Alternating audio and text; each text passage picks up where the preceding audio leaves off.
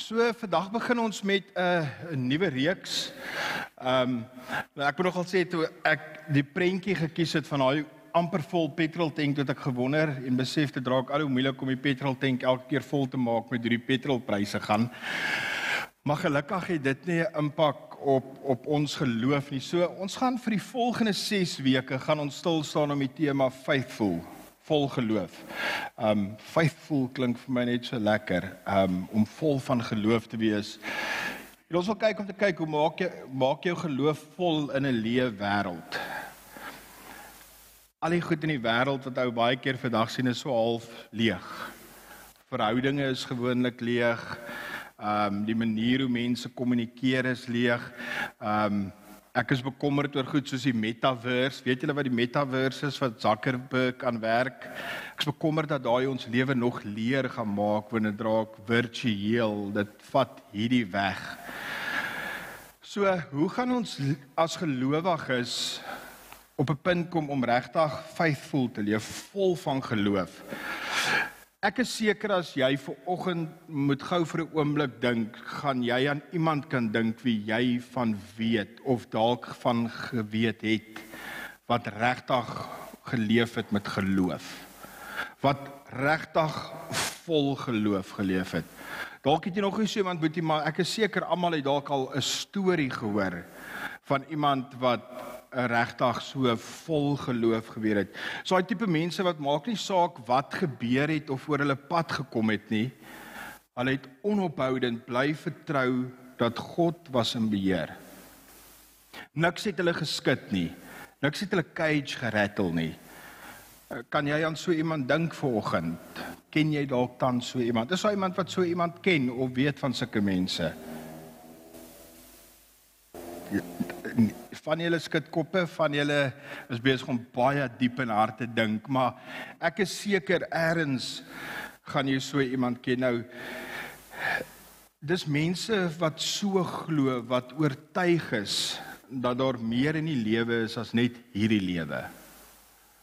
As jy na so iemand gaan kyk, sal jy agterkom daai persoon besef hierdie lewe is regtig eintlik net 'n tydelike ding. Maar daar's meer in hierdie lewe. Hierdie mense wat so vol geloof leef, as hulle swaar kry beleef, seer dit leerstellings beleef, kyk hulle na dit in die konteks van God wat weet, wat omgee en wat ingryp. Nou hierdie mense het nie wonderlike oortuigings nie. Hulle het wonderlike geloof. En daar's 'n verskil tussen om 'n oortuiging te hê en om geloof te hê. Ek hou meer van die Engelse woord amazing as wonderlik. Nou wonderlik is mooi in Afrikaans, maar die woordjie amazing is 'n woord wat ek dink al amper in die Afrikaanse woordeboek kan kom want jy so baie keer sê yes, dit was amazing geweest. I mean the movie was so amazing. Sewende laan vanaand was amazing geweest. Kyk daai se leen, ek dink niemand sê dit meer nie. Maar amazing is soos 'n woord wat ek dink resoneer in 'n mens. Dis amper iets waarmee ons meer vertroud is. Hierdie amazing geloof wat die ouens het is 'n baie aktiewe en vurige vertroue in God. En hulle reaksies en hulle besluite word vanuit hierdie aktiewe vurige geloof bepaal. So dis nie ek glo dit en dan is dit okay nie. Alles wat hulle doen, oral waar hulle gaan, leef hulle vanuit hierdie aktiewe geloof. Nou waar kry hulle dit? As jy dit dalk nie het nie, maar jy begeer dit, waar kry jy dit? En ek wil vir jou sê dit is waaroor hierdie reeks gaan gaan van vandag af en nog vir die volgende 5 weke. Ons gaan bietjie delf in hierdie tema van faithful. Hoe raak ons geloof? Dit is wat hierdie reeks ons wil help. Ek wil vir jou vandag vra, het jy dalk jou geloof verloor soos jy dalk vandag hier sit? As jy dalk op 'n punt wat jy voel, eers hierdie geloofstorie, nee, dit dit ek sukkel om hierdie ding uit te figure. Dalk het jy nog nooit die keuse gemaak om regtig te glo nie. Dalk is jy op die punt om op te gee net op jou geloof en te sê ek's klaar. Want daar dinge in jou lewe gebeur en jy sukkel om aanhou glo. En hulle kan maar gaan kyk deur geskiedenis, die groot mense wat groot name en groot goed in geloof gedoen het, baie ouens het op die punt gekom waar hulle partykeer hulle geloof verloor het. dis 'n probleem om op 'n plek te kom waar dit voel of jy jou geloof gaan verloor. Die probleem is as jy dit verloor. Maar jy kan altyd terugkom, jy kan dit altyd weer kry. Dalk help dit jou, maar dalk help dit jou ook om iemand wie jy ken wat jy dalk weet op hierdie stadium in hulle lewe bietjie struggle met hulle geloof te help te bemoedig. Want ons hoop ook hierso dat ons nie op 'n Sondagoggend net hiernatoe kom en ons kry goed vir onsself nie. Ons hoop dat die goed wat ons hier praat en beleef met mekaar dat ons dit met ander mense sal deel. So ons praat oor hierdie amazing geloof. En as ons wil praat oor amazing en oor geloof en by 'n kerk wil ons oor Jesus praat. So ek wil vanoggend met julle gesels oor goed wat ons in die evangelies van Jesus leer. Nou jy moet onthou dat Jesus was 'n volle mens gewees. Dis vir ons belangrik om te besef. So ons het dit in die vorige 2 weke ook gesê, hy was mens. Hy was die menswording van God. So hy het geweet en verstaan en beleef wat ons beleef het. As ons in die evangelies kyk en jy gaan lees bietjie gaan jy sien dat daar was slegs 2 keer wat Jesus amazed was wat hy verstom, verbaas, verwonder was slegs twee keer. Nou die eerste keer kry ons waar Jesus se Matteus is en hy het sopas die melaatse ou genees. En dan kom daar 'n Romeinse offisier na hom toe. Nou ek ek is lief vir Google, so ek omdat ek in die Engels werk, wil ek nou presies weet wat 'n Roman century want die Afrikaanse teks sê 'n Romeinse offisier. Toe wil ek nou weet, is hierdie ou nou regtig 'n groot kop of is dit sommer 'n ou wat net met die paar ouetjies speel? En Google se translation van 'n Roman century was gewees Romeinse hoofman oor 100. So dis wat die woord Roman century beteken as ons net na die teks lees. En hy het na Jesus gekom na hy die melaatse genees het en hy vra vir Jesus: "Hoorie, ehm um, ek het 'n slaaf wat siek is. Ehm um, kan jy asseblief die slaaf vir my genees?" En Jesus is Jesus en hy sê Yes, ek sal dit doen. Kom ons gaan na jou huis toe. En die Romeinse offisier sê dit vir hom, ah, "Nee, nee, is nie nodig dat jy kom nie. Ehm um, ek my huis is onrein, so moenie kom nie." En dan lees ons in Matteus 8. Begin ons lees. Ons gaan vers 8 tot 10 lees, maar ons gaan dit so opbreek. Ons lees the centurion replied, "Lord, I do not deserve to have you come under my roof." But just say the word, and my servant will be healed. For I myself am a man under authority, with soldiers under me. I tell this one, go, and he goes. I tell that one, come, and he comes. I say to my servant, do this, and he does it. En daai stuk sê die offisier Jesus, maar okay, ek ek verstaan hoe hierdie goed werk. Ehm um, hierdie manne wat ek voorsê as ek sê hardloop en gaan veg of gaan haal dit vir my of doen dit of doen dat, doen dit nie omdat ek ek is nie. Daai woordjie under authority sê dat ek doen dit omdat hulle doen dit omdat hulle weet onder wie se mag ek werk. Wie's die authorities? Hy werk onder die Romeinse ryk. Nou daai soldate het nogal geweet as jy 'n centurion nie gehoorsaam nie, dan dit net so goed jy sê vir Caesar nee. So hy sê ek weet wie u verteenwoordig ook. Hy sê Jesus, ek het jou dop gehou en soos ek jou dop gehou het, het ek agterkom jy verteenwoordig iets of iemand wat baie groter as jy is.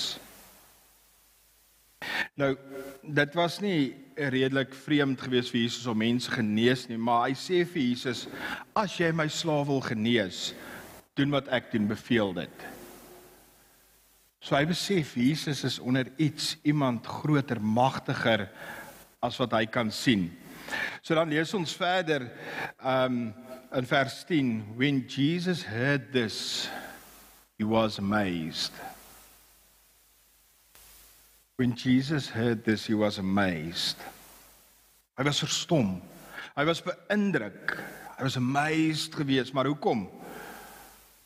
Kom was hy amazed oor 'n Romeinse offisier wat aan ander gode geglo het, maar, maar hy's amazed en om nou die rede is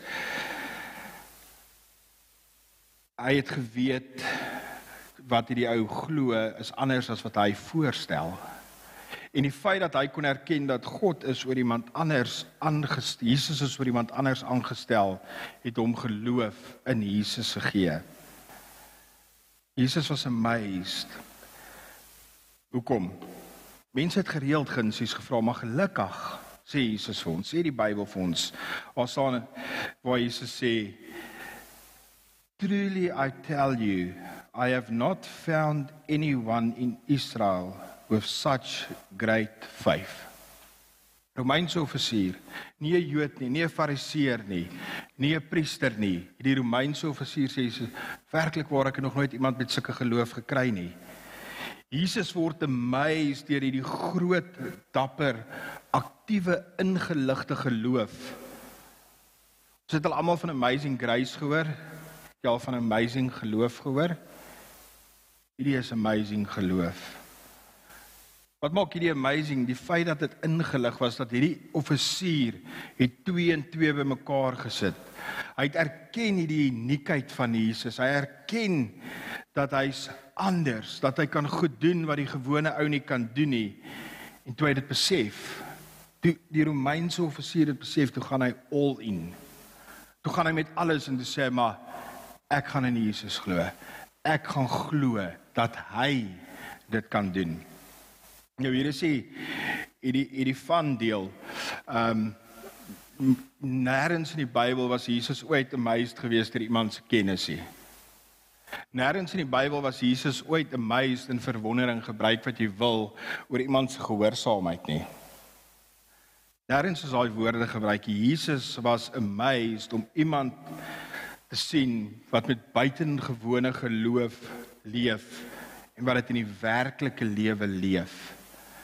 Dit is wat Jesus elke keer amaze. Ons kom by die tweede keer waar Jesus amazed was. Die tweede keer is Jesus aan 'n besoek by sy tuisdorp, daar waar hy groot geword het. En daar ook het Jesus gaan en hy het mense genees, hy het mense geleer en uit wonderwerke gedoen. Aanvanklik was die mense soos wow, dis nogal amazing. Dis dis Jesus hierdie wat dit doen, maar op 'n stadium begin die ouens so 'n bietjie jaloers raak. Ehm um, en hulle begin onder mekaar praat en in Markus 6 vers 3 lees ons waar die ouens staan en praat so eenkant. Isn't this the carpenter? Isn't this Mary's son and the brother of James, Joseph, Judas and Simon? Aren't this aren't his sisters us? And they took offense in him. How sal I say hy hy's niks spesiaal nie. Hy is net een van ons man. Hy het ook hier groot geword. Hy dink hy is groot. Hy doen al hierdie goeters. Hy dink hy's beter as ons. So hulle take offense in hom. Want wie's hierdie ou nou? Hulle glo nie in hom nie. Hulle vertrou hom nie. En dan Jesus se reaksie in vers 6. Nou tussenin praat Jesus die stuk van 'n profeet word nie in sy eie dorp erken nie. En dan kom hy in vers 6 wat ons hoor Jesus sê, "He was amazed at their lack of faith." Daar is dit twee keer wat Jesus amazed was in die Bybel. Die eerste keer was as gevolg van groot geloof. Tweede keer was dit as gevolg van 'n lack of faith. Klein geloof, geen geloof. Jesus het 'n baie sterk agenda gehad toe hy aarde toe kom. Hy se stuur met 'n doel. Ek glo ons almal kan dit vir mekaar sê dat as ons Jesus se storie lees, dan weet ons Jesus het 'n agenda gekom. En Jesus se agenda was gewees om vir die eerste eeu se volgelinge en Christene of laat ek sê vir die eerste eeu se mense toe hy fisies daar was en nou vir die 21ste eeu volgelinge wat ons is te kom wys ehm um, dat God soek mense wat met aktiewe geloof leef ten spyte van. Maar dit is waar mense verward raak met die boodskap van Jesus want ons hoor baie keer Jesus gaan vir ons hoop gee. Jesus as jy in Jesus glo kan jy daarom optimisties wees oor die toekoms en daar gooi ek amper my beker en my papiere weg. Ehm um, so ons kan optimisties wees vir die toekoms, maar die ding is hoop en optimisme is anders as geloof. Want om in Jesus te glo en hoop te hê om is iets anders. Nou, ek wil vir julle verduidelik so. Geloof het gewoonlik 'n voorwerp. Nou, wie van julle het al gevlieg? Okay, okay, hande op. Wie van julle het nog nooit gevlieg nie? Okay, wie van julle is bang vir vlieg? Okay, daar's so 1, 2, okay. Die storie gaan julle nie banger maak nie, so wees nie bevrees nie. So as jy op die vliegtyg klim, nê, dan hoop jy dat jy gaan aan die ander kant uitkom. Is ek reg? Jy Rika. Sy is so bang sy vlieg binnekort Durban. Dis so jy hoop regtig jy gaan aan die ander kant uitkom. So jy klim op hom, jy sê ek hoop ek gaan my bestemming uitkom en dan is jy optimisties jy sal daar uitkom. So jy sit nou daai vliegtuig, jy jy bewe dalk 'n bietjie want die vliegtuig rattel terwyl hy op 'n aanloopbaan aan hardloop. En jy wonder of al die pop rivets in plek is want jy vlieg met SAL. So jy is nogal redelik gespanne. So maar jy's optimisties, ek sal aan die ander kant uitkom. Maar dan kom jy agter dit is nie geloof nie. Dit is hoop. Dis optimis, optimisme. Die ding is jy plaas jou geloof gewoonlik in 'n voorwerp en in hierdie geval van 'n bevliegtuig klim is die vliegtuig, die fisiese vliegtuig is die voorwerp. Jy vertrou en glo dat hierdie vliegtuig deur al hierdie safety checks gaan het, dat al die pop rivets en as jy vertrou dat die vlieënier wat daar bo in die kajuit sit, dat hy toegerus is, opgelei is en dat hy gesonde oordeel gaan toepas as hy die vliegtyg vlieg. So jy sit jou geloof in die vliegtyg. Jy hoop dat jy aan die ander kant sal uitkom, maar dis nie op iets gegrond nie. Geloof is nie om te dink dat alles reg sal uitwerk nie. Dit is hoop en dit is optimisme. Hoor jy die verskil? Geloof en optimisme dink jy jy hoop alles sal oral uitwerk, maar dis nie geloof nie. Geloof is iets heeltemal anders. Jesus was nogal verstom geweest oor hierdie hoofman en dit was nie omdat hy optimisties was en hoopvol was nie. Hy het nie vir Jesus sê, "Ag, ek hoop jy sal hom kan gesond maak." Hy het gesê, "Sê dit en hy sal gesond word." Dit is geloof. Jesus was amazed geweest oor hierdie hoofman, hierdie Roman centurion se geloof in hom. Die punt van Jesus se bediening was dat Jesus homself kom vestig het as die voorwerp van ons geloof. Hy's die voorwerp in hom, in die voorwerp wie Jesus is, die persoon, die karakter, die mens, die seun van God. Dit is waarin ons ons geloof vestig. Hy het sy volgelinge genooi en gesê: "Kom, kom vertrou my. Kom glo in my." En toe op die aand wat seker die moeilikste aand vir Jesus was net voor hy gevange geneem is, het Jesus 'n baie lang, steurende, verwarrende gesprek met sy disippels gehad. En later aan die einde van die aand sê Jesus vir die volgende: "Do not let your hearts be troubled. You believe in God. Believe also in me." Jesus sê vir sy disippels wat saam met hom geloop het, wat alles gesien het wat hy gedoen het. Soos julle op God vertrou, moet julle op my vertrou. Jesus wil weer eens homself vestig die aand net voor hy gevange geneem word dat ek is die voorwerp van julle geloof. Dat Jesus is die voorwerp van ons geloof, die fondasie waarop ons dit sit. Maar maar hier's so 'n bietjie meer aan die gang. Ehm um, Jesus het gekom om die natuur van sy Vader vir ons te wys. Daar was baie aannames gewees oor wie God is. Daar's vandag nog steeds baie aannames oor wie God is. Ehm um, maar wie is hierdie God? Een van die redes hoekom Jesus aarde toe gekom het, was om hierdie verkeerde aannames reg te stel. En Jesus was nogal baie duidelik oor dit gewees. Um Jesus was so duidelik oor hierdie goed gewees dat in die Bybelse tyd jy dit as aanstootlike goed geklink. Dit was vir die mense hulle wou dit nie hoor nie. En Jesus sê vir die mense as jy wil weet wie God is, kyk na my. Nou dink jy gou-gou in hier's jy 'n Israeliet, jy glo in God, maar jy glo nie in die seun van God nie. En hier kom hierdie ouetjie aan en hy sê as jy wil weet wie God is, kyk na my. Dan sal jy sien wie God is. Luister na my en volg my. En ons het al vir 2 weke oor dit gepraat, maar ek wil dit weer vir julle vinnig lees op die skerm Matteus 11 vers 28. Walk with me and work with me. What shall I do? It? I won't let anything heavy or ill lifting on you. Keep company with me and you learn to live freely and lightly. As Jesus dit weer. As jy wil leef, as jy in oorgawe wil leef, voluit wil leef in vrede en rus wil leef, leef soos ek leef. Dis nog al 'n eintlik verbeel jy nou ek sit ver oggend hierso. Vat jou 20 jaar terug, 30 jaar gesê, julle wil weet hoe om te leef en hoe God is, kyk na my. Julle sou gedink het ek van my kop af. Julle sou dalk uitgestap het, maar dis wat Jesus, dis dieselfde, dis wat Jesus in daai tyd doen. Dit was aanstootlik in daai tyd gewees. Jy jy het nie eers almal het God se naam gesê nie. Nou kom hierdie ouetjie en hy sê maar, jy weet God, kyk na my. Ek ek ek is sy seun, kyk na my. As jy die evangelies lees, as jy die evangelies van Jesus wil lees, wil ek vir jou uitdaag om dit te lees met die vraag Wat leer ek van God deur Jesus? Jesus het gekom sodat ons kan leer wie ons hemelse Vader is. Kom Jesus op 'n ander plek weer. En ek dink hierdie is 'n vraag wat Jesus baie reguit en duidelik beantwoord het. Maar ons is nog steeds wat ons die vraag vra van wie is my naaste?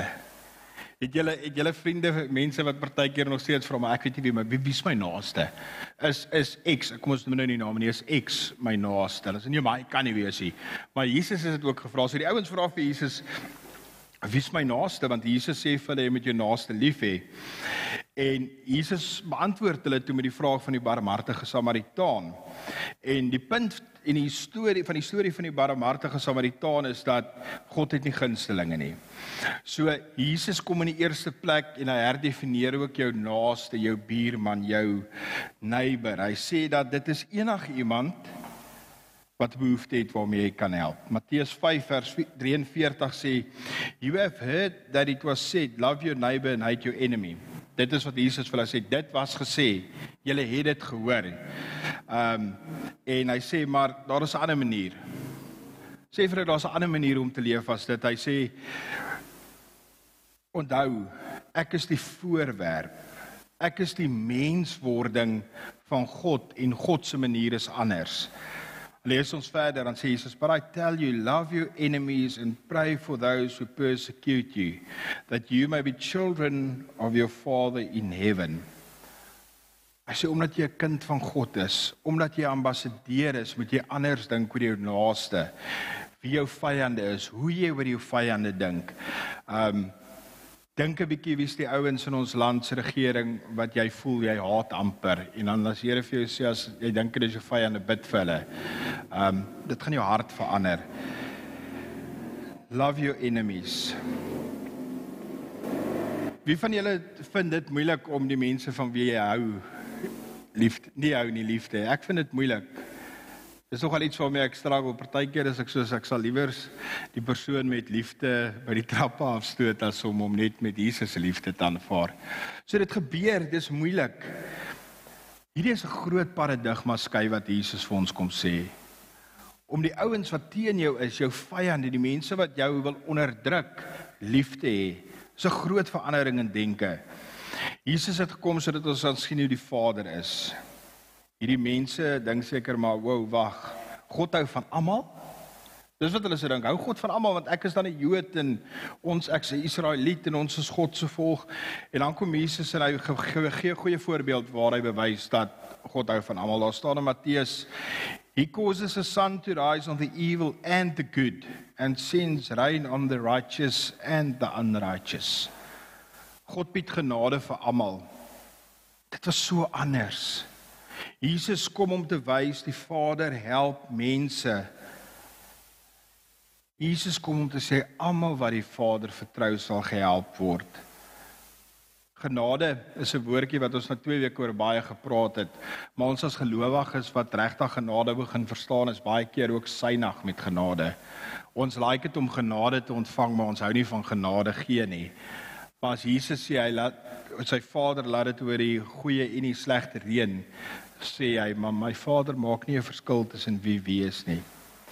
Jesus kom bied hom konstant deur die evangelies aan as die uitnodiging wat sê kom vertrou God soos hy werklik is. As jy as jy wil leer wie God is, kyk na my. En ek wil vir jou volgens sê as jy wil leer wie God is, moenie die Bybel by Genesis begin lees nie. As jy wil weet wie God is en hoe God is, begin by Jesus. Net sê, ek sê nie ons moenie die Ou Testament lees, maar ek sê as jy wil sien wie die essens van God is, wat God vir jou wil hê, wie God is, wat sy persoonlikheid is, kyk na Jesus. Jesus is nie 'n hoofstuk in die storie van die Bybel nie. Jesus is die storie. En daarom moet ons daarna kyk. Ons gaan klaar maak. Paulus was nogal 'n ou wat in die middel van die veranderinge van geloof in daai tyd was. Want Paulus was was 'n fariseer gewees, hy was geleerd gewees, so hy het die Joodse geloof baie goed geken. Hy het die heidense geloof goed verstaan. Um en toe kom Jesus en hy bring hier die nuwe paradigma waar Paulus homself moet vat en sê maar, "Sjoe, hierdie is die seun van God, so ek moet anders hieroor dink." Kolossense 2 vers 17 skryf Paulus, "These are shadows of the things that were to come." So Paulus skryf hier en sê hierdie goed wat ek en jy as geloof sien, ons beskouing, hierdie tradisies en alles is maar net so 'n skaduwee van goedes wat om te gaan. Nou 'n mens kan sekere goed van 'n skaduwee leer, maar jy kan nie alles van iemand uit sy skaduwee leer nie.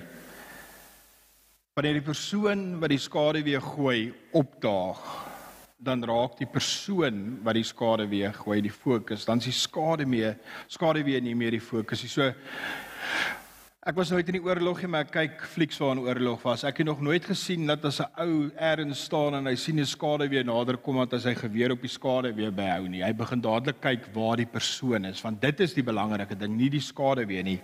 So Paulus sê hierdie geloofsgoed wat ons geleer het, is alles net so skade wees. Dis nie wat dit regtig is nie.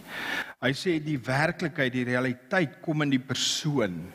En hy sê verder the reality however is found in Christ. Die realiteit van ons geloof, die realiteit op wie ons moet vertrou, is nie op al die goed wat ons tevore gehoor het nie, dit moet nou wees verliet op Jesus Christus. Paulus het hard probeer om uit die skaduwee te kom van al hierdie tradisies en die ou skaduwees van geloof. Ehm um, daarom het Jesus so baie oor geloof en tradisie gepraat om te sê wat dit beteken om regtig aan God te glo. Ehm um, die ouens in die eerste eeu en ons het nogal baie unlearning om te doen oor wat geloof is. Ek was op geloof op 'n geloofskaduwee groot gemaak tot ek Jesus leer ken het. Want ons sien wat mense doen, maar tot jy Jesus begin sien, sien jy nie regtig nie. En as jy Jesus begin sien, begin jy God sien.